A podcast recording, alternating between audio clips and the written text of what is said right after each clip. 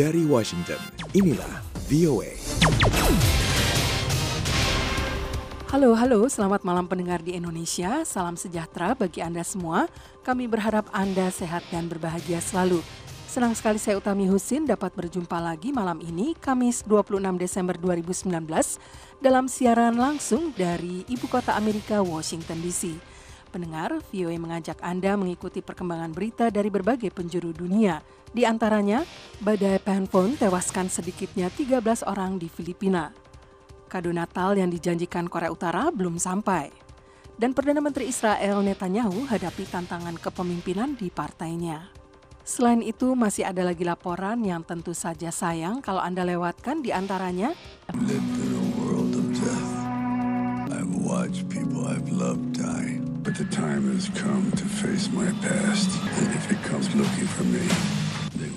Sebuah bioskop tua yang terletak di kota Kimball di Nebraska yang berpenduduk sekitar 2.500 jiwa dihidupkan kembali oleh warganya. How many did you lose? 190. 190 cows. You tell me nothing's wrong here. Sempat ragu, namun akhirnya pengacara korporat Cincinnati, Rob Bilot, yang diperankan oleh Mark Ruffalo, bersedia menyelidiki klaim petani Wilbur Tannen bahwa limbah kimia DuPont di sungai kecil dekat lahannya telah membunuh ternak-ternaknya. Sebelum semua itu, ikutilah dulu berita malam bersama Arif Budiman. Selamat malam. Ribuan orang di Aceh Kamis melangsungkan doa bersama untuk memperingati 15 tahun bencana tsunami di provinsi itu, salah satu bencana terburuk dalam sejarah modern. Para penyintas dan keluarga para korban terlihat berurai air mata sewaktu menghadiri berbagai kegiatan keagamaan dan upacara-upacara peringatan bencana itu. Toko-toko dan kantor-kantor tutup, kapal-kapal tidak diizinkan berlayar dan bendera merah putih dikibarkan setengah tiang di berbagai penjuru Aceh pada hari Kamis dan Jumat. Bencana tsunami pada 26 Desember 2004 dipicu oleh gempa berkekuatan 9,1 skala Richter di lepas pantai Sumatera. Ombak raksasa itu menewaskan sekitar 230 ribu orang di belasan negara hingga sejauh Afrika Timur. Provinsi Aceh yang paling dekat dengan pusat gempa mengalami akibat terburuk, di mana lebih dari 170 ribu orang tewas atau sekitar 3 per 4 dari total korban tewas secara keseluruhan. Peringatan tsunami Kamis berlangsung empat hari setelah peringatan bencana tsunami Selat Sunda tahun lalu menyusul ledakan dan runtuhnya sebagian gunung anak Krakatau. Tsunami itu menghantam kawasan-kawasan pantai di Provinsi Banten, beberapa bagian Sumatera Selatan, serta mengakibatkan lebih dari 400 orang tewas dan 14 ribu lainnya cedera. Para pejabat penanggulangan bencana di Filipina mengatakan Kamis sebuah badai yang menghantam bagian 13 orang. Badai Phanphone membawa angin dengan kecepatan sedikitnya 120 km per jam dan mencurahkan hujan lebat selama dua hari sewaktu melintasi Filipina. Puluhan ribu orang terpaksa mengungsi ke beberapa tempat penampungan darurat di sekolah-sekolah, gedung-gedung olahraga, dan gedung-gedung pemerintah. Lebih dari 20 ribu orang terlantar di pelabuhan-pelabuhan Rabu karena layanan feri ditutup. Banyak penerbangan domestik juga dibatalkan di negara yang mayoritas penduduknya pengadut katolik terburuk yang pernah dihadapi Filipina adalah Badai Haiyan yang menewaskan lebih dari 6 ribu orang pada November 2013. Badai paling kuat yang menghantam negara itu pada 2018 menewaskan 81 orang di kawasan pegunungan di sebelah utara Manila pada September. Pada yang disebut manhut itu menimbulkan pertanyaan mengenai seberapa kuat konstruksi rumah di kawasan-kawasan rawan badai. Korea Utara kemungkinan belum mengirimkan kado Natal yang dijanjikannya untuk Amerika Serikat paling tidak hingga Kamis pagi satu hari setelah Natal. Ada spekulasi luas Korea Utara kemungkinan akan melakukan uji misil balistik antar benua pada musim liburan kali ini setelah seorang pejabat Kementerian Luar Negeri Korea Utara sebelumnya bulan ini secara tersamar menjanjikan kado Natal untuk Amerika Serikat. Kado itu dijanjikan sebagai tanggapan terhadap Amerika Serikat yang menurut Korea Utara tidak memperdulikan tuntutan Pyongyang terkait sanksi-sanksi menjelang tenggat waktu akhir tahun yang ditetapkannya untuk bisa dimulainya kembali pembicaraan nuklir. Hingga Kamis pagi waktu Amerika, tidak ada uji senjata dilaporkan terjadi di Korea Utara. Media pemerintah Korea Utara pun menahan diri untuk tidak mengeluarkan kritikan tajam terhadap Amerika Serikat hingga Kamis pagi. Situasi tenang ini kemungkinan tidak akan bertahan lama. Korea Utara telah menetapkan akhir tahun sebagai batas waktu Amerika Serikat untuk melunakkan pendiriannya terkait pembicaraan nuklir yang terhenti. Dua peristiwa besar dalam kalender politik domestik Korea Utara kemungkinan akan ikut membantu memastikan maksud Korea Utara. Anda sedang mendengarkan siaran VOA Washington. Perdana Menteri Israel Benjamin Netanyahu menghadapi sebuah tantangan sewaktu partainya, Partai Likud, melangsungkan pemilihan pendahuluan untuk menetapkan siapa yang akan memimpin partai itu dalam pemilu ketiga yang berlangsung di negara itu dalam rentang waktu satu tahun. Saingan lamanya, Gideon Sar, telah berkampanye menggambarkan dirinya sebagai pilihan lebih baik bagi partai itu untuk membentuk pemerintahan, sesuatu yang gagal dilakukan Netanyahu setelah dua pemilu sebelumnya tahun ini. Netanyahu masih populer di kalangan anggota Partai Likud dan diperkirakan akan berhasil mempertahankan posisinya sebagai pemimpin. Hasil pemilihan itu diperkirakan akan diumumkan Jumat. Netanyahu terpaksa meninggalkan panggung kampanyenya Rabu malam di kota Askelon, Israel Selatan setelah sebuah roket ditembakkan dari jalur Gaza. Ia dan istrinya Sarah diselamatkan ke sebuah tempat pelindungan terdekat, namun kemudian kembali ke panggung untuk menyelesaikan kampanyenya. Militer Israel mengukuhkan terjadinya serangan roket, namun mengatakan mereka berhasil mencegah roket itu dengan sistem pertahanan misil kubah besi. Israel menanggapi tembakan roket itu dengan melangsungkan serangan udara terhadap target-target Hamas di Gaza. Bulan lalu Netanyahu didakwa melakukan penipuan, suap, dan pelanggaran kepercayaan dalam tiga kasus korupsi terpisah. Ia dengan keras membantah semua dakwaan tersebut. Memanfaatkan kondisi cuaca yang sejuk dan lembab, para petugas pemadam kebakaran Australia Kamis melanjutkan usaha mereka mengendalikan amukan api di beberapa wilayah di negara bagian New South Wales. Ribuan petugas dikerahkan untuk mengatasi kebakaran dan hingga berita ini diturunkan, masih ada lebih dari 70 titik api yang belum berhasil dikendalikan. Selama beberapa bulan terakhir, kebakaran di Australia telah menghanguskan sekitar 5 juta hektar lahan, menewaskan 9 orang dan menghancurkan lebih dari 950 rumah. New South Wales merupakan negara bagian yang paling parah dilanda musibah ini. Di negara bagian yang paling padat penduduknya ini, pemerintah telah memperlakukan keadaan darurat yang berakhir Rabu. Namun seudara yang tinggi diperkirakan akan kembali akhir pekan ini. Para pemadam kebakaran Australia harus bersiap menghadapi gelombang panas yang ekstrim. Suhu udara di Sydney diperkirakan akan mencapai 31 derajat Celcius pada hari Minggu, sementara kawasan-kawasan pinggiran di sebelah baratnya akan mencapai 41 derajat Celcius. Saudara, demikian berita dunia dari Washington DC. Anda dapat mengirim email kepada kami di voaindonesia at voanews.com.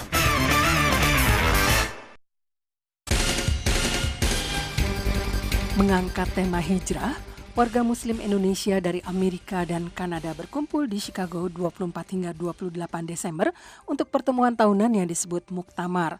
Wakil Duta Besar Indonesia untuk Amerika memuji peran Muslim Indonesia dalam turut membentuk wajah Amerika. Dari Chicago, Illinois, Karina Amkas menyampaikan laporannya. Wakil Duta Besar Indonesia untuk Amerika, Iwan Freddy Harisusanto, memuji peran Muslim Indonesia dalam membentuk wajah Amerika. Ketika membuka resmi Muktamar ke-20 IMSA di Chicago, Illinois hari Kamis, Iwan mengatakan, Muktamar tahunan IMSA menjadi forum penting untuk membahas berbagai isu strategis bersama yang dapat memberi manfaat, sumbangsih maupun kontribusi positif dan konkret bukan hanya bagi komunitas maupun diaspora muslim Indonesia, namun juga bagi publik Amerika secara keseluruhan.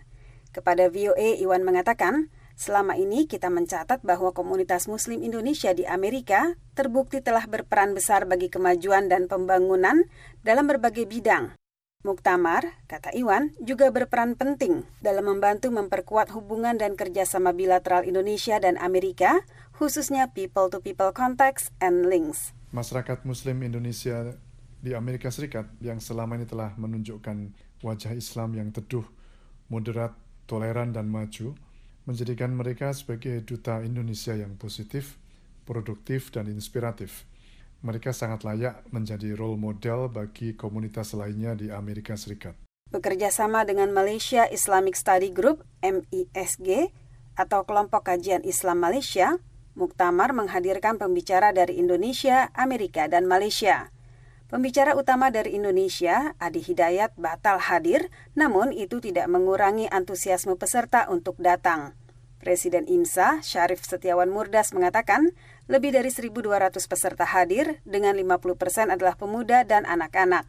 Muktamar akan berlangsung hingga 28 Desember, diisi berbagai pembahasan yang dikaitkan tema tahun ini, Hijrah Transforming Oneself in Challenging Times. Selain sesi-sesi umum, ada pula sesi khusus bagi perempuan, disebut Yaumun Nisa, dan sesi-sesi untuk peserta yang dibagi dalam kelompok usia, mulai dari anak-anak, youth, dan pemuda yang disebut Yaumus Syabab. Dalam salah satu sesi utama, Dr. Saiful Bahri, dai dan dosen Universitas Muhammadiyah Jakarta, membahas hijrah secara fisik Muslim Indonesia ke Amerika. Niatkan untuk agama, ujarnya. Namun, seorang peserta dari Minnesota terus terang mengatakan, ia hijrah karena kesempatan yang lebih baik di Amerika. Datang ke US, niatnya itu bukan niat yang akhirat, tapi dunia. Menanggapi itu, Saiful mengajak untuk mencari ridho Allah. Kita ini hidup kita ingin dalam tanda kutip memuaskan Allah.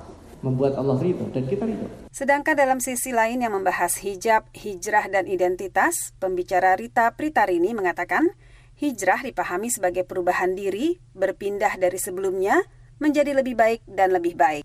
Memulainya, menurut Rita, kembali ke perintah Allah untuk masuk Islam secara keseluruhan, bagi perempuan antara lain dengan berhijab bagi yang belum mengenakannya. Kemudian berdoa kepada Allah mudah-mudahan kita dikuatkan, diistiqomahkan agar kita benar-benar bisa berhijrah di dalam kehidupan kita yang hanya sementara ini. Pada hari ketiga akan dibahas masalah gangguan kejiwaan.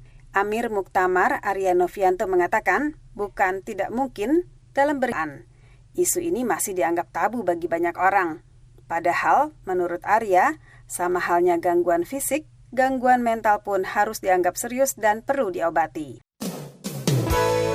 Anda dapat mengirim email kepada kami di voaindonesia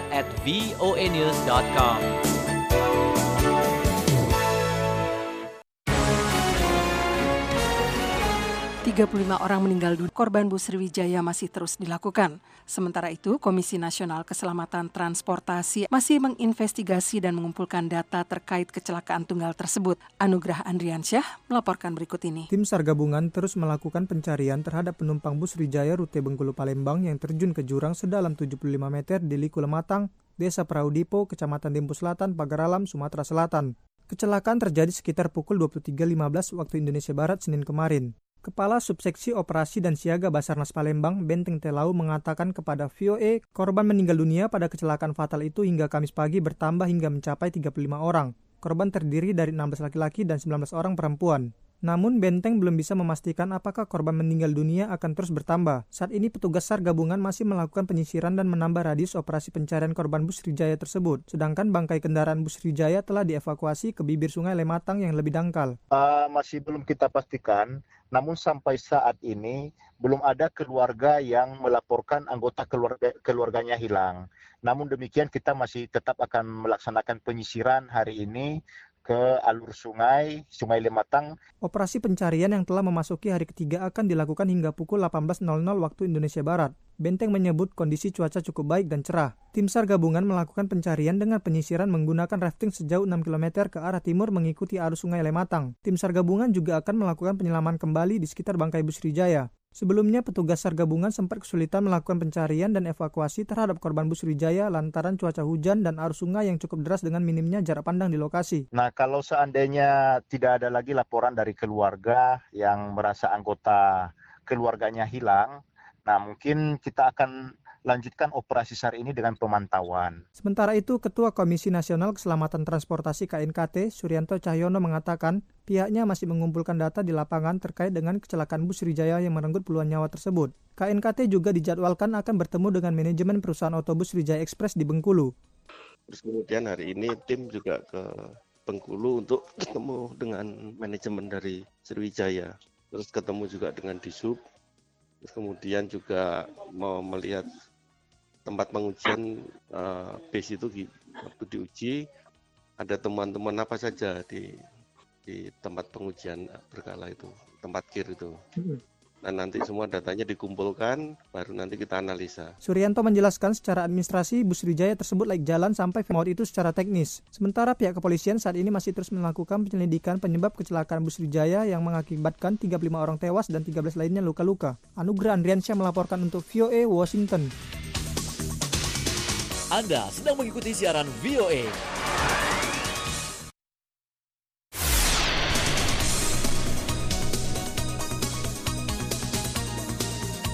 Dari hampir 59 ribu tunawisma di Los Angeles County, tiga perempatnya tidak tinggal di tempat penampungan. Tenda serta tempat tinggal darurat mereka berjajar di sepanjang jalan di kawasan Skid Row. Baru-baru ini sejumlah selebriti Hollywood dan sukarelawan lainnya membawa hidangan Natal untuk para tunawisma itu dan warga di permukiman sekitarnya, membuat mereka melupakan sejenak cuaca yang dingin menggigit. Seorang lelaki mantan tunawisma telah menemukan tempat penampungan di Los Angeles Mission, badan amal keagamaan yang menawarkan pelatihan kerja dan konseling dan menyelenggarakan pesta tahunan ini. Lelaki itu, Nathan Pityakorn, mengatakan, But it is hard. I mean, sleeping on street, sleeping in a tent, or Sulit sekali tidur di jalanan, tidur di dalam tenda, tanpa tahu ke mana kalau perlu ke WC, kata Pityakorn. Perayaan Natal sudah menjadi tradisi di Skid Row yang dihuni keluarga-keluarga berpenghasilan rendah dan banyak tunawisma di Los Angeles. Kesulitan paling banyak dirasakan oleh mereka yang tinggal di jalan itu. Pityakorn mengemukakan. there is help, but there's not enough help. Ada bantuan, tetapi itu tidak cukup. Mereka harusnya mulai ditampung. Jumlahnya bukan ratusan, tetapi ribuan, kata Pityakorn. Mereka menjadi tunawisma bertambah jumlahnya, naik 12 persen tahun ini di Los Angeles County. Herb Smith dari Los Angeles Mission mengatakan, Unfortunately, I think everyone's trying, but there's not enough shelter. and not Sayangnya, saya pikir semua orang mencoba, tetapi tempat penampungannya kurang banyak dan juga tidak cukup banyak rumah yang harganya terjangkau, kata Smith.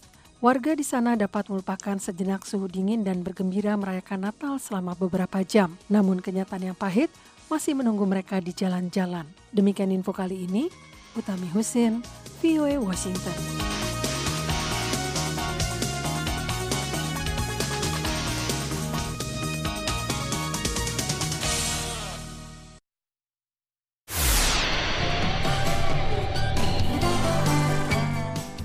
...26 Desember tahun 2004. Gempa bumi hebat terjadi selama 10 menit di lepas pantai Sumatera. Gempa berkekuatan 9,3 pada skala Richter ini merupakan yang terkuat dalam 40 tahun dan merupakan gempa terbesar kedua yang terekam dalam sejarah. Pusat gempa terletak 160 km di sebelah barat lepas pantai Sumatera. Guncangan hebat memicu berbagai gempa lain yang terjauh terjadi di Alaska dan daratan bergeser hingga beberapa sentimeter. Tsunami yang dipicu gempa menewaskan sekitar 230 ribu orang dan menimbulkan kerusakan luar biasa. Gelombang setinggi 30 meter menyapu kawasan pesisir Samudra India, mulai dari Somalia di Afrika Timur, Indonesia, Sri Lanka, India Selatan, dan Thailand, serta menggenangi sejumlah pulau, termasuk di antaranya Maladewa.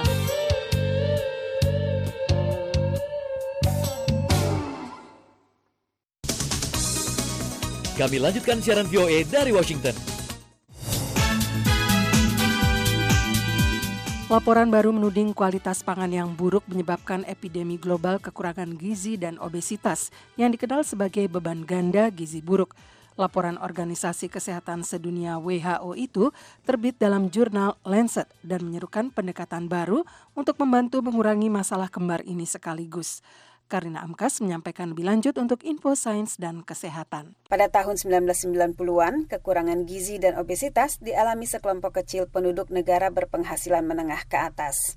Tetapi beban ganda gizi buruk itu telah tumbuh dan kini terutama berimbas ke negara-negara berpenghasilan rendah dan menengah, khususnya di sub-Sahara Afrika dan Asia Tenggara. Francesco Branca adalah Direktur Organisasi Kesehatan Sedunia World Health Organization WHO bidang gizi untuk kesehatan dan pembangunan dan penulis utama laporan itu. Ia mengatakan segmen besar populasi di wilayah-wilayah itu kini menderita kelebihan berat badan serta kekurangan gizi. Ia menuding kualitas pangan yang buruk sebagai penyebab. WHO memperkirakan hampir 2,3 miliar anak dan orang dewasa di dunia kelebihan berat badan dan lebih dari 150 juta anak kontet. Dikatakan beban ganda gizi buruk itu menyebabkan peningkatan jumlah kematian dan penyakit, baik penyakit menular seperti pneumonia dan diare maupun penyakit tidak menular mencakup hipertensi, kanker, dan penyakit jantung. Corina Hawks dari Pusat Kebijakan Pangan City University di London adalah penulis kedua laporan itu. Menurutnya, fokus lembaga-lembaga kesehatan dan aktivis untuk mengatasi kekurangan gizi telah menyebabkan berkembangnya obesitas. Corina Hawks mengatakan, kurang gizi adalah beban kesehatan yang sangat signifikan dan harus tetap menjadi perhatian. Sebaliknya, kita harus menemukan cara untuk mengatasi kekurangan gizi dan obesitas pada saat yang bersamaan. Jadi, kita mengurangi gizi buruk sekaligus mengurangi risiko obesitas dan penyakit-penyakit tidak menular yang terkait asupan makanan. Kedua penulis laporan itu mengatakan asupan pangan berkualitas tinggi mengurangi risiko kekurangan gizi dalam segala bentuk dengan mendorong pertumbuhan, perkembangan, dan imunitas yang sehat. Mereka juga mencegah obesitas dan penyakit tidak menular. Bukankah diet kaya buah, sayuran, biji-bijian, dan produk sehat lain akan menjaga kesehatan dan memperpanjang usia harapan hidup? Laporan itu mengimbau perubahan pada sistem pangan saat ini yang mengedepankan makanan olahan, minuman manis, dan makanan berkadar garam dan lemak trans yang tinggi. Dikatakan menerapkan pajak pada produk-produk yang tidak sehat dan pelabelan makanan yang jujur adalah dua tindakan yang secara efektif mampu mencegah penjualan makanan yang mengarah ke beban ganda gizi buruk. Bagi kebanyakan kota-kota di Amerika, pusat kota merupakan kawasan yang semarak dengan kebudayaan, perdagangan, pemerintahan, dan sejarah. Namun sejumlah kota berupaya agar tetap kelihatan hidup, di antaranya Kimball, sebuah kota di Nebraska, di mana penduduknya berupaya untuk menghidupkan kembali kota tersebut lewat pelestarian sebuah bioskop tua. Lebih jauh, ikuti Lea Johannes dalam segmen Amerika Kini. lived in a world of death. I've people I've loved die, but the time has come to face my past. And if it comes looking for me, they will. Sebuah bioskop tua yang terletak di kota Kimball di Nebraska yang berpenduduk sekitar 2.500 jiwa dihidupkan kembali oleh warganya. Pemilik pertamanya, Mary Goodhand, membuka bioskop tersebut pada tahun 1954. Dalam tahun-tahun berikutnya, kepemilikan bioskop itu berpindah tangan. Sejak tahun 2010, bioskop tua itu berhenti menayangkan film. The Friends of Good Hand, sebuah kelompok nirlaba yang beranggotakan warga kota tersebut, memutuskan menghidupkan kembali bioskop yang dibangun dan dibuka pada tahun 1954. Salah seorang sukarelawan mengatakan, Tempat ini ditutup sejak lima tahun lalu dan kini sudah dihidupkan kembali. Jadi kami berupaya agar bioskop ini tetap berjalan. Dr. Gigi Adrian Fass mengucapkan terima kasih kepada para pengunjung yang datang ke bioskop Good Hand untuk menonton film sekaligus menyumbang uang. I'd like to thank everybody for coming today. Without you guys' support with donations and buying concessions, we wouldn't be able to continue to do this. If you guys enjoy the movie, and uh, hope to see you guys in a few weeks. Bioskop itu memutar film pada akhir pekan pertama dan ketiga setiap bulan. Penonton tidak dipungut bayaran tiket, namun mereka dapat memberi sumbangan uang sukarela. Kelangsungan bioskop tua ini memberi kebanggaan tersendiri bagi warga setempat. Seluruh aktivitas bioskop Good Hand dijalankan sepenuhnya oleh para sukarelawan. Pemilik sebelumnya terpaksa menutup bioskop Good Hand pada tahun 2010 karena merugi dan bioskop itu merupakan satu-satunya sumber penghasilannya, kata Dr. Adrian Fass. Previous owners, you know, that was their livelihood.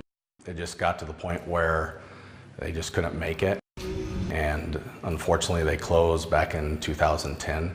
Keith Prunty, wali kota Kimball, Nebraska, mengatakan, My name is Keith Prunty, and I am the mayor for the city of Kimball. And when they close, basically, it's like Saat bioskop itu ditutup, pada dasarnya seperti ada kekosongan di kota ini.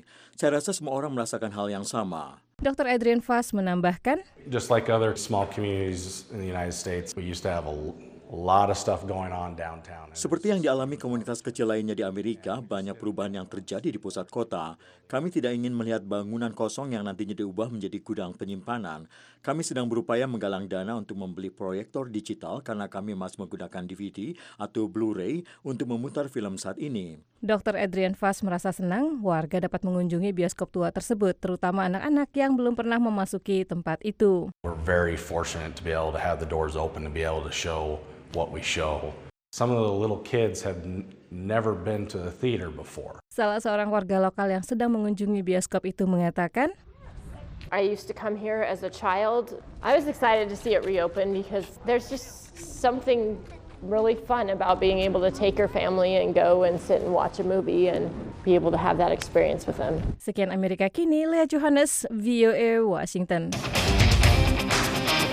Kate Urban, penyanyi kelahiran Selandia Baru, keturunan Australia, dan suami aktris Nicole Kidman, tahun ini menyemarakan musim libur Natal dan Tahun Baru dengan lagu barunya. Selengkapnya disampaikan Madioni. Bintang country Kate Urban memberi hadiah Natal pertengahan November lalu untuk para penggemarnya dengan merilis lagu Natal aslinya yang pertama. Menjelang acara CMA Awards bulan lalu, Urban mengatakan kepada kantor berita Associated Press, lagu barunya itu berjudul I'll Be Your Santa Tonight. Your sister stuck in Denver and your mama can't come.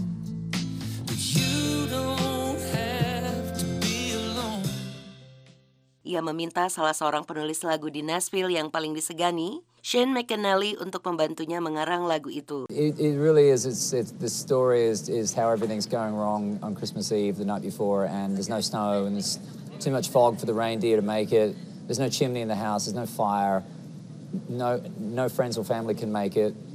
It's going to be a terrible Christmas, but the guy will come through for his girl and make it happen.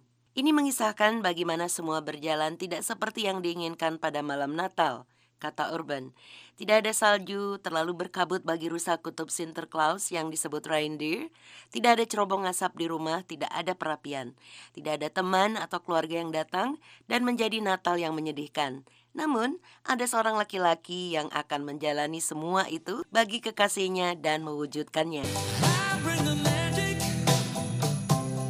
Dalam video klip lagu ini, Kate Urban mengenakan jas dan bermain piano. Orang-orang terus menanyakan, apakah saya akan membuat lagu Natal? Dan saya pikir saya ingin membuatnya, kata Urban. Akan menyenangkan. Lalu ide lagu itu datang dengan sangat cepat dan retronya terasa pas. Saya sangat gembira lagu ini dirilis, kata Urban. Dua hari menjelang Natal, Kate Urban menghibur penggemarnya di Sydney, Australia, dan kembali ke Amerika untuk konser malam tahun baru di Nashville, Tennessee.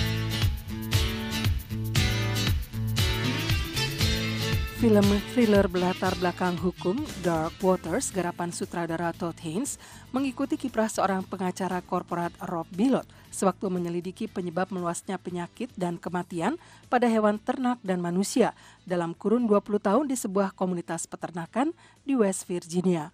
Film berdasarkan kisah nyata ini selain untuk menghibur, juga untuk meningkatkan kesadaran mengenai bagaimana bahan kimia berbahaya mengancam kesehatan masyarakat di Amerika dan dunia. Berikut laporan selengkapnya. How many did you lose? 190.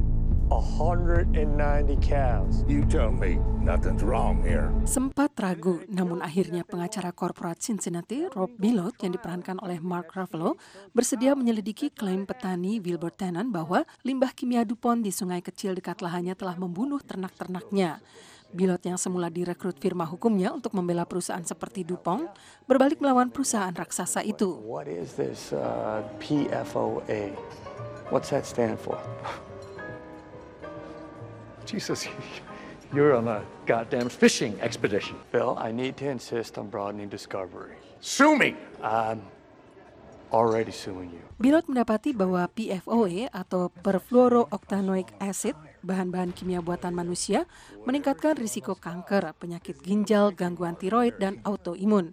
Ia mengumpulkan bukti melalui pernyataan pegawai pabrik, catatan publik, dan kajian epidemiologis di Parkersburg, West Virginia. Artikel tahun 2016 yang dimuat The New York Times menyebut Bilot sebagai pengacara yang menjadi mimpi terburuk bagi DuPont. Risetnya menimbulkan kesadaran global mengenai ancaman bahan-bahan kimia seperti PFOA. Bahan-bahan tersebut telah lama diketahui buruk, ujar Bilot. Selain berperan sebagai Bilot, Mark Ruffalo juga menjadi produser Dark Waters. Ia adalah aktivis lingkungan yang mendukung regulasi terhadap bahan-bahan kimia yang sangat sukar diuraikan seperti PFOA dan PFOS. Sampai jumpa pada info berikutnya. Utami Husin, VOA Washington.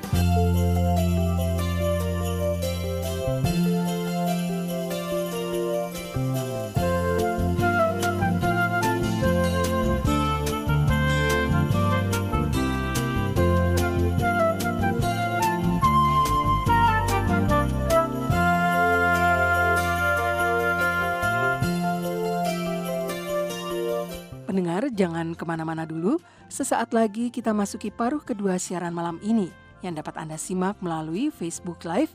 Masih bersama saya, Utami Husin dan Arif Budiman.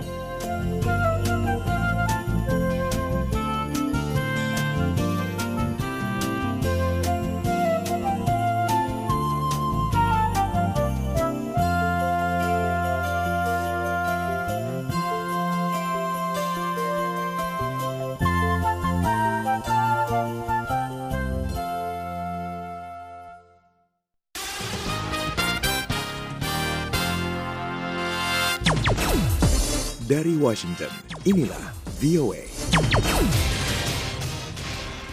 Selamat malam pendengar dan penyimak siaran kami. Senang sekali kami dapat menjumpai Anda lagi dalam siaran petang VOA langsung dari Studio 13 VOA di Washington DC. Hari ini 26 Desember 2019. Pengantar siaran malam ini saya Utami Husin dan saya Budiman mengajak Anda mengikuti berita dari berbagai penjuru dunia di antaranya ribuan orang peringati 15 tahun bencana tsunami di Aceh. Badai Panfon mentewaskan sedikitnya 13 orang di Filipina. Kado untuk Amerika yang dijanjikan Korea Utara belum sampai. Dan malam ini kami didampingi teknisi Naswan Kali dan produser Lea Johannes yang telah menyiapkan laporan-laporan menarik lainnya di antaranya. Salah satu tanda bahwa musim liburan akhir tahun telah dimulai mungkin bisa dilihat dengan terang benderangnya pohon Natal raksasa di Rockefeller Center, New York. Lampu-lampu dan hiasan di pohon tersebut resmi dinyalakan pada 4 Desember lalu. Acaranya berlangsung meriah dengan menampilkan antara lain Idina Menzel, Dia Michelle, dan Neil. Anak-anak yang tinggal di daerah pedesaan Napakiak, Alaska mendapat kejutan dalam merayakan Natal tahun ini yaitu dikunjungi Sinterklas dan para pembantunya lewat sebuah program yang disebut Operation Santa Claus atau Operasi Sinterklas. Siaran ini dipancar luaskan melalui radio-radio afiliasi VOA di Indonesia, streaming di voaindonesia.com dan dapat Anda simak melalui Facebook Live di VOA Indonesia. Pendengar dan teman-teman Facebook VOA, segera saja kita simak berita-berita dunia bersama Arif Budiman dan saya sendiri Utami Husin. Ribuan orang di Aceh Kamis melangsungkan doa bersama untuk memperingati 15 tahun bencana tsunami di provinsi itu, salah satu bencana terburuk dalam sejarah modern. Para penyintas dan keluarga para korban terlihat berurai air mata sewaktu menghadiri berbagai kegiatan keagamaan dan upacara-upacara peringatan bencana itu. Toko-toko dan kantor-kantor tutup, kapal-kapal tidak diizinkan berlayar dan bendera merah putih dikibarkan setengah tiang di berbagai penjuru Aceh pada hari Kamis dan Jumat. Bencana tsunami pada 6 Desember 2004 dipicu oleh gempa berkekuatan 9,1 skala Richter di lepas pantai Sumatera. Ombak raksasa itu menewaskan sekitar 200 total korban tewas secara keseluruhan. Peringatan tsunami di Aceh Kamis berlangsung empat hari setelah peringatan bencana tsunami Selat Sunda tahun lalu menyusul ledakan dan runtuhnya sebagian anak Gunung Krakatau. Gunung Anak Krakatau maksud kami. Tsunami itu menghantam kawasan-kawasan pantai di Provinsi Banten di beberapa wilayah Sumatera Selatan. Sebuah badai menghantam bagian tengah Filipina pada hari Natal menewaskan sedikitnya 13 orang. Badai Panfon membawa angin dengan kecepatan sedikitnya 120 km per jam dan mencurahkan hujan lebat selama dua hari sewaktu melintasi Filipina. Puluhan ribu orang terpaksa mengungsi ke beberapa tempat penampungan darurat di sekolah-sekolah, gedung-gedung olahraga, dan gedung-gedung pemerintah. Lebih dari 20 ribu orang terlantar di pelabuhan-pelabuhan hari Rabu karena layanan feri ditutup. Banyak penerbangan domestik juga dibatalkan di negara yang mayoritas penduduknya penganut Katolik itu. Badai sering melanda Filipina, namun musim badai biasanya mereda pada November. Salah satu badai terburuk yang pernah dihadapi Filipina adalah Haiyan yang menewaskan dari 6.000 orang pada November 2013. Badai paling kuat yang menghantam negara itu pada 2018 menewaskan 81 orang. Badai yang disebut Mangkut itu menimbulkan pertanyaan mengenai seberapa kuat konstruksi rumah di kawasan-kawasan rawan badai di Filipina.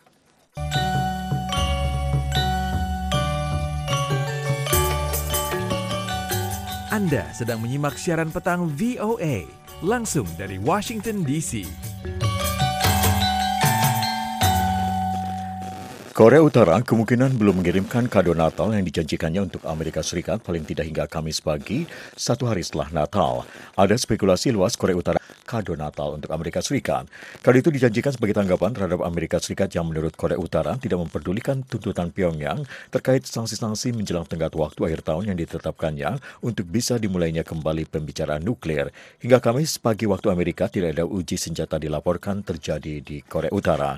Media pemerintah Korea Utara pun menahan diri untuk tidak mengeluarkan kritikan tajam terhadap Amerika Serikat hingga Kamis pagi.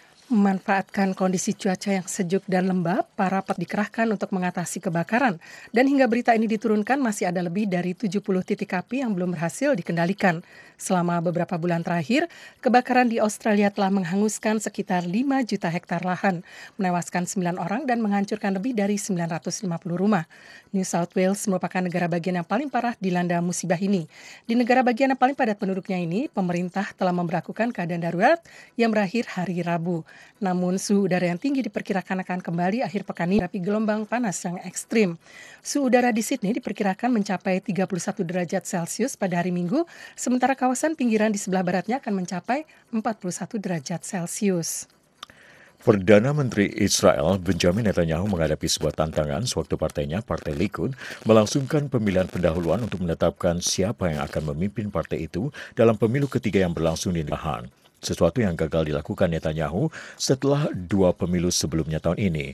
Netanyahu masih populer di kalangan anggota Partai Likud dan diperkirakan akan berhasil mempertahankan posisinya sebagai pemimpin. Hasil pemilihan itu diperkirakan akan diumumkan pada hari Jumat. Netanyahu terpaksa meninggalkan panggung kampanyenya Rabu malam di Ascalon, Israel Selatan setelah sebuah roket ditembakkan dari jalur Gaza. Ia dan istrinya, Sarah, diselamatkan ke sebuah tempat perlindungan terdekat, namun kemudian kembali ke panggung. Sebuah serangan bom bunuh diri menarget sebuah kompleks militer Afghanistan di bagian utara negara itu Kamis pagi, menewaskan enam tentara Afghanistan. Taliban segera mengaku bertanggung jawab atas serangan itu. Menurut keterangan Kementerian Pertahanan Afghanistan, setelah pembom meledakan mobilnya yang berisi bom di luar sebuah pangkalan militer kecil di Provinsi Balkh, sekelompok pemberontak menyerbu kompleks itu sehingga memicu baku tembak dengan pasukan Afghanistan. Pendengar, demikian Warta Dunia dari VOA di Washington DC.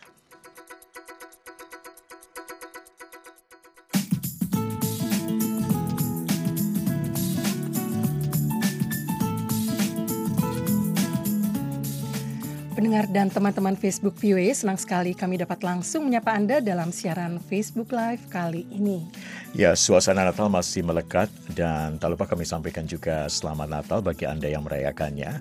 Nah, sekarang bagaimana kalau kita perkenalkan kembali kerabat kerja dalam siaran malam ini? Selain saya Arif Budiman, juga Utami Husin, kemudian... Ada produser Lea Johannes hmm. yang merangkap sebagai editor video, teknisi Naswan Khalid, dan Endang Saptorini sebagai, sebagai admin, admin kita, kita pada kesempatan malam ini. Siap membantu berbagai menjawab berbagai pertanyaan Betul. ya.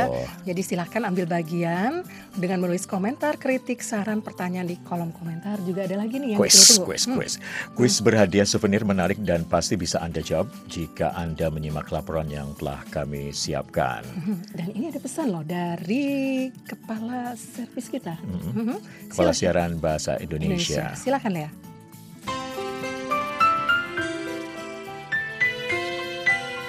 Natal merupakan waktunya berbagi hati dengan cinta dan rasa kasih. Natal merupakan saatnya kita memberi dan menerima. Saya Ade Astuti, Kepala Siaran Bahasa Indonesia Voice of America, beserta seluruh kerabat kerja di Amerika dan Indonesia, mengucapkan Selamat Natal. Semoga di hari Natal ini kita semua diberi kesempatan untuk menebar rasa peduli dan cinta kasih bagi sesama. Happy Holidays! Ya Arif, ada satu pengumuman lagi nih penting ya sehubungan dengan rencana perbaikan dan peningkatan program-program VOA. Siaran kali ini juga mungkin akan menjadi yang terakhir kalinya bagi kita untuk berjumpa melalui Facebook, Facebook Live. Live. Tapi siaran petang masih akan ada dan mm-hmm. tentu saja kami akan mencoba memformat lagi mm-hmm. Facebook Live ini dalam mm-hmm. mungkin akan dalam waktu yang tidak lama lagi juga akan ada versi baru dari Facebook yeah. Live. Dan kita uh, tetap bisa berjumpa ya dalam betul. berbagai program lainnya. Yeah. Arif, Bagaimana kalau kita sapa dulu nih siapa, siapa saja yang sudah hadir? Sudah hadir ya. Di sini yang sudah terlihat ini ada siapa Andi Aziz Taba. Uh -huh. Kemudian ada Lautoni Kristianto Semarang hadir katanya. Kemudian uh -huh. juga ada siapa nih? Ada Cali Joku. Cali Joku ya. Selamat Natal buat seluruh umat Kristiani di mana saja Anda berada. David Sinaga juga Merry Christmas untuk semua kru Vio Indonesia yang merayakannya. Ada Rina Amar Hosea, selamat malam untuk Mbak Dania Iman atau Mbak Metrini Geopani. Dan kebetulan mereka sedang tidak bertugas malam ini. sedang tidak bertugas. Saya melihat ada Pak Edi Setiawan, hmm. Ibu Yuyu Wahyuni, Ibu, ya. Ibu Rita Siahan juga ada di sini. Ya, sedang menyaksikan ya semuanya. Hmm. Halo, senang sekali bisa bergabung dalam acara malam ini. Bagaimana kalau kita langsung saja ini ke, ke laporan pertama? Laporan pertama. Saya sudah siapkan satu laporan mengenai salah satu pohon Natal yang terkenal dan ramai dikunjungi di Amerika. Letaknya di halaman gedung Rockefeller Center di kota New York.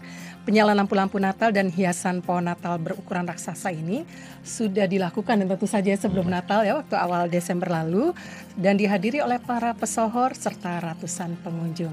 Berikut laporannya. Five, four.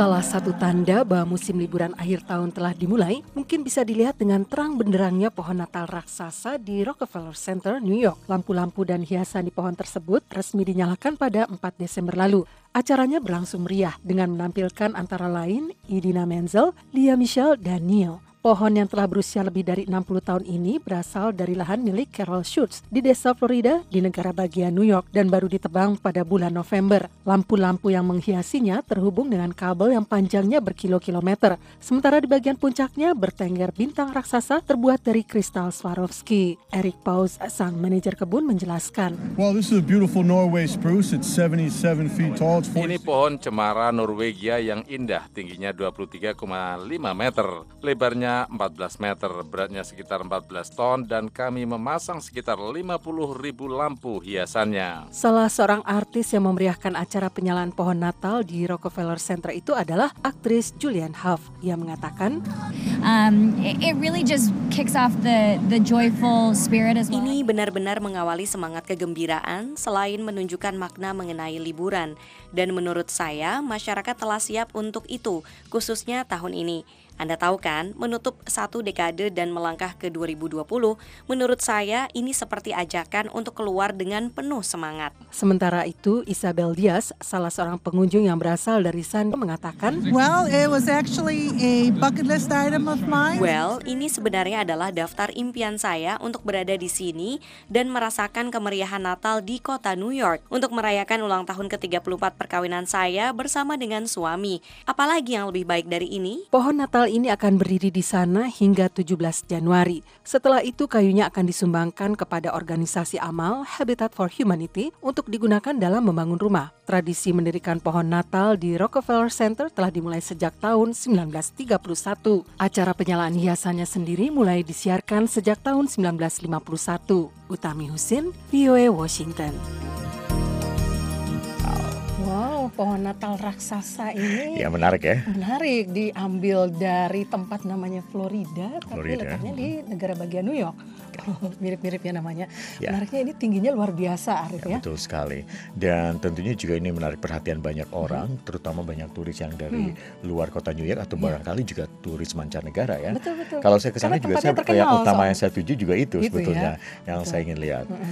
Ya. Dan apa namanya nanti setelah selesai itu Hmm. yang buat saya menarik karena begitu banyaknya kayu yang bisa dimanfaatkan untuk membuat rumah ya Betul. oleh Habitat for Humanity. Jadi Ya. satu LSM memang yang membantu pembangunan rumah-rumah gitu. Nah, Utami, sebelum kita bahas lebih jauh nih, Mhm. eh, saya mau lontarkan kuis berkenaan dengan yang satu ini juga. Baik. Jadi pertanyaannya adalah pohon Natal di Rockefeller Center berasal dari kebun di negara bagian mana? Apakah di negara bagian New York Hmm. ataukah B di Florida? A New York atau B Florida? Silahkan jawab. Dan kami di akhir siaran akan memilih tiga pemenang. Iya, mudah ya. Mm-mm. Sudah kita sebut tadi. Sekarang barangkali langsung saja kita lihat lagi siapa saja yang sudah hadir. Monica Norma, selamat malam VOA. Yusran Rajat, Jakarta Selatan hadir. John Lincoln, selamat Natal, grup VOA. Wah, ada grupnya. Terima kasih. Pak Robert Tohonan, Belitung hadir. Selamat Natal, damai buat Indonesia. Kemudian dari Finandusia Edwena dari Penang, Malaysia hadir. Hmm, halo Ada Malaysia. Hmm. Terima kasih sudah hadir bersama kami dari Unika Nia Purba. Selamat Hari Natal untuk kita semua. Terima kasih. Ada dengan- Batam juga hadir Hmm. di sini. Wah, siapa siapa? Ter- terlalu cepat. Oh ini Febri Saranghe Ades Batam hadir katanya. Kemudian juga ada Saripudin dari Tapanuli Selatan Sumatera Utara. Halo Tapanuli. Robert Tohanan di Belitung juga hadir. Hmm. Hmm, Kemudian ada ya. dari TW Navy. Salam Natal dari Papua. Oh, halo Papua. Tolika Rabiuk. Tuhan Yesus memberkati. Siapa lagi ini dari Pak Wong Kertonegoro. Selamat malam Mbak Utami dan selamat Natal buat Mas Arif Budiman. Ya, selamat Natal buat Anda yang merayakannya. Itu sa uh, Spanishnya Feliz Navidad Feliz Navidad. dari yang dari Lonsong. Ibu Rina Amah Rosia berkomentar, keren ya pohon Natal di Rockefeller Center. Iya Ibu, jadi ini pengunjung sebutkan ini masuk dalam bucket list ya, jadi dalam daftar impian tempat-tempat yang ingin dikunjungi atau ingin Ya, kalau tentunya pada saat perayaan, eh, pada liburan Mhm. Natal atau Iya. liburan akhir Mhm. tahun lah. Iya. Karena kalau sudah tidak tidak ada lah pohon uh, pohon Natal di Januari sana. juga sudah di- Eh, dirubuhkan sudah ya dibongkar. pohonnya. Mm-mm. Tapi itu jadi, tetap menjadi tempat yang menarik karena Iya. itu kan dekat dengan uh, Rockefeller Center ini selain ada pohon Natal raksasa itu, ada tempat berseluncur es. ya, jadi, ada kayak kayak ice ring buat ya, ya. ya, buat berskating ya, ice skating. Ada siapa lagi nih Arif? Barangkali masih bisa kita lagi. Ada Rendai Lonsong, kemudian juga Jenny Goni, ada John Lincoln, Lincoln, John Lincoln, Lotani Kristianto, ini sorry Sumarap juga ada Sugeng Santoso, ada Tiraniko Moskow, kemudian juga Hariwanto, Anes Putri, dan semuanya. Ah, saya bacakan Tapi satu yang lagi boleh ah, pasti- Satu lagi Ah, nih, oke, dari sahabat silakan. kita ya Pak Nanosa yang terhormat kru Vio Indonesia merayakan Natal. Selamat Hari Natal, semoga bahagia dan sehat. Amin. Amin. Terima ya, amin. Bagaimana Arif? Um, ya, uh, yang pasti kita uh, keluarga besar VOA mengucapkan selamat Natal bagi Anda yang merayakannya dan mudah-mudahan di Natal kali ini Anda yang merayakannya bisa mendapatkan kedamaian, kebahagiaan Kebahagiaan. bersama keluarga atau orang-orang terdekat Anda. Iya. Ya dan Langsung kita pada topik yang berikutnya barangkali ya. berikutnya, silakan. Jadi ada Operation Santa Claus atau operasi Sinterklas yang diselenggarakan Garda Nasional Udara Alaska yang menerbangkan Sinterklas ke desa-desa jauh di pelosok negara bagian itu. Di mana persinggahan Santa tahun ini kita simak laporan Lea Johannes berikut ini. Anak-anak yang tinggal di daerah pedesaan Napakiak, Alaska mendapat kejutan dalam merayakan Natal tahun ini, yaitu dikunjungi Sinterklas dan para pembantunya lewat sebuah program yang disebut Operation Santa Claus atau Operasi Sinterklas. Operasi beberapa waktu lalu itu dijalankan oleh tim Garda Nasional Udara Alaska dengan helikopter menjalankan misi khusus mereka tahun ini, yaitu menghibur anak-anak dan anggota keluarga lainnya di gedung W. Miller Memorial School. John Brackenbury, Komandan Divisi di Salvation Army atau Bala Keselamatan mengatakan, Uh, today we're in the village of Napiak, just outside of Bethel, and the Salvation Army is partnering with the Air National Guard.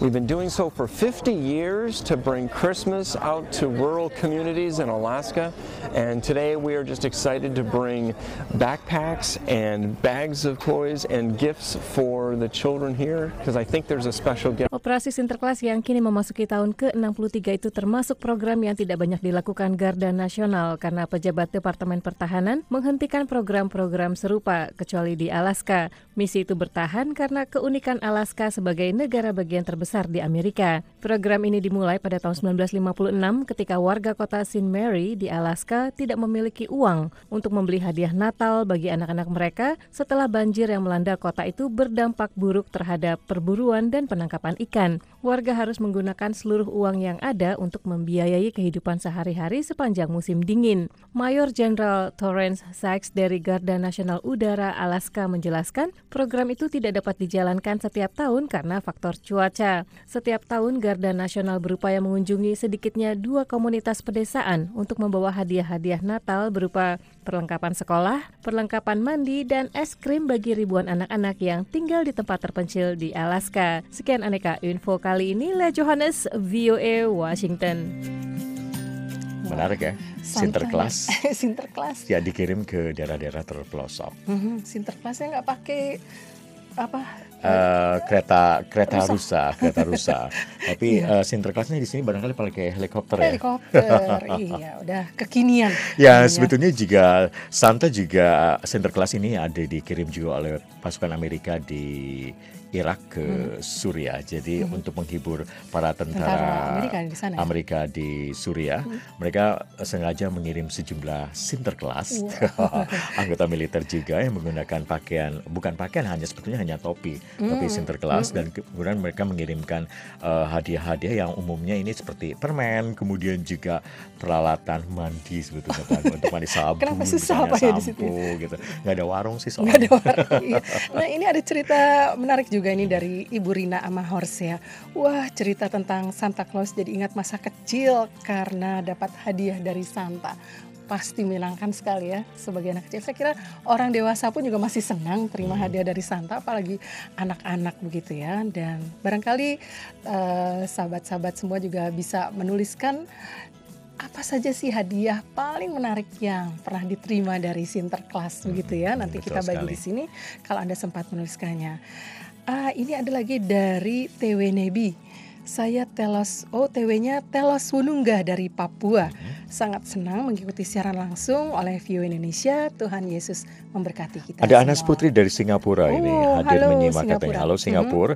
Kemudian juga ada siapa lagi nih? Eh, Ada Maria Nani. Ah, jadi pengen ke New York lagi. Ayo Ibu. Nanti mampir ke Washington DC kantor ada ya. eh, Mas Dwi Budi Raharjo, salam dari Wonosobo ini. Kemudian juga ada Sophia Saat, halo Mbak Sophia Saat, Pak Andi Aziz Laba, Iya. Meliani Alphonse, kemudian juga Dwi Budi Raharjo dan Saripudin juga.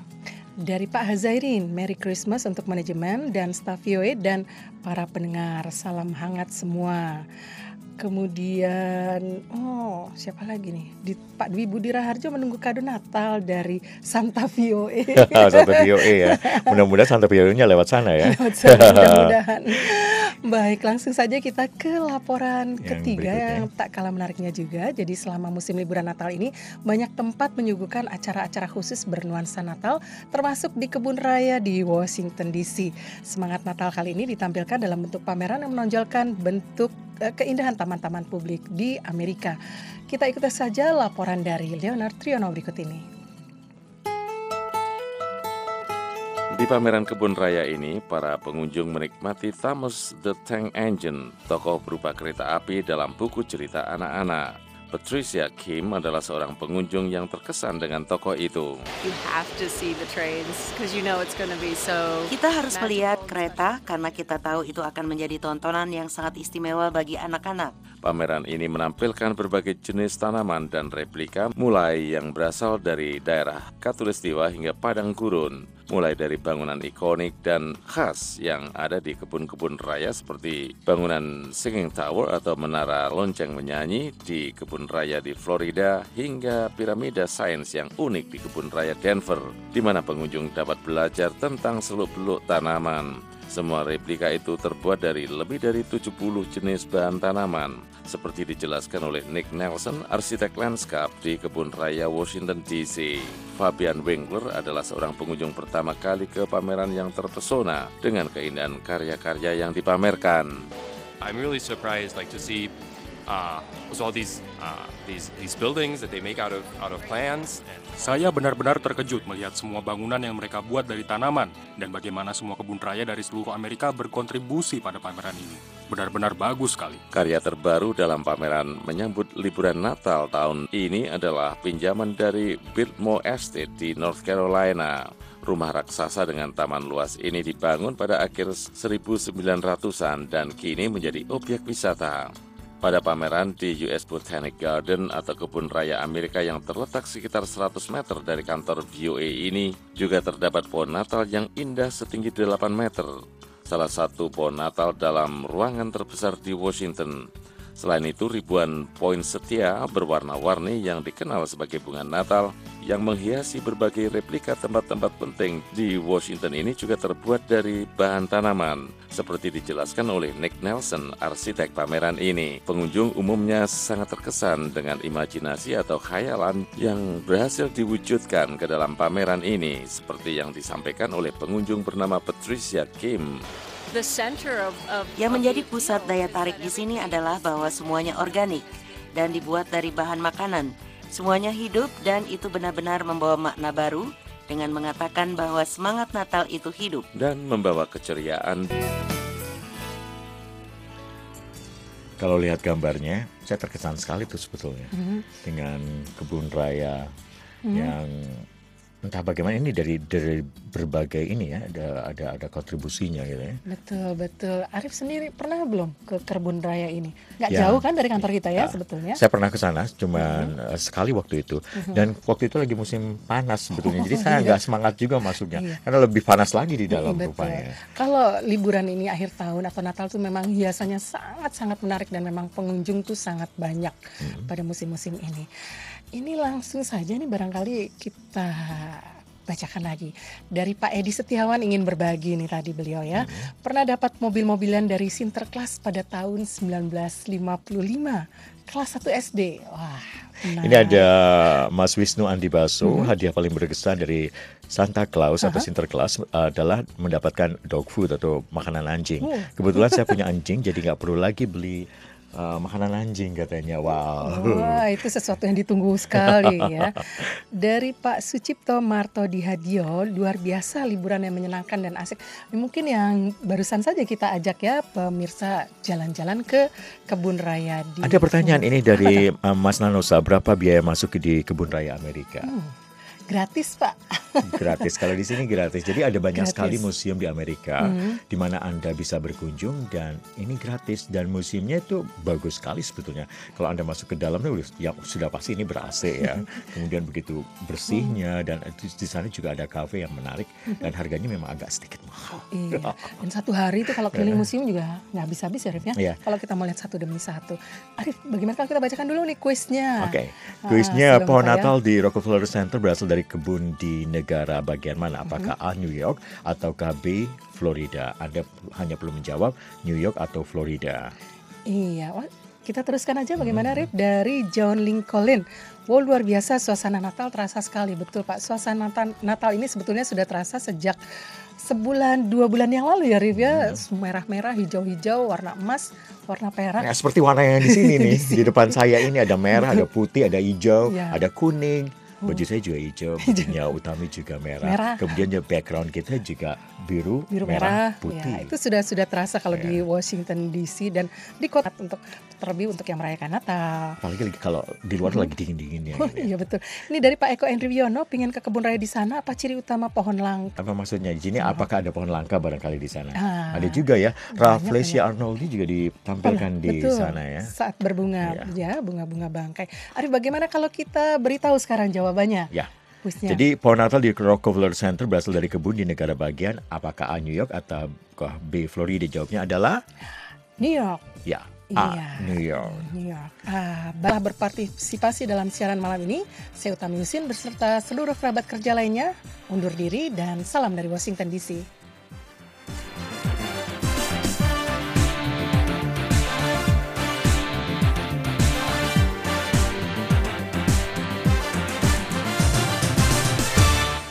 This program has come to you from the Voice of America, Washington.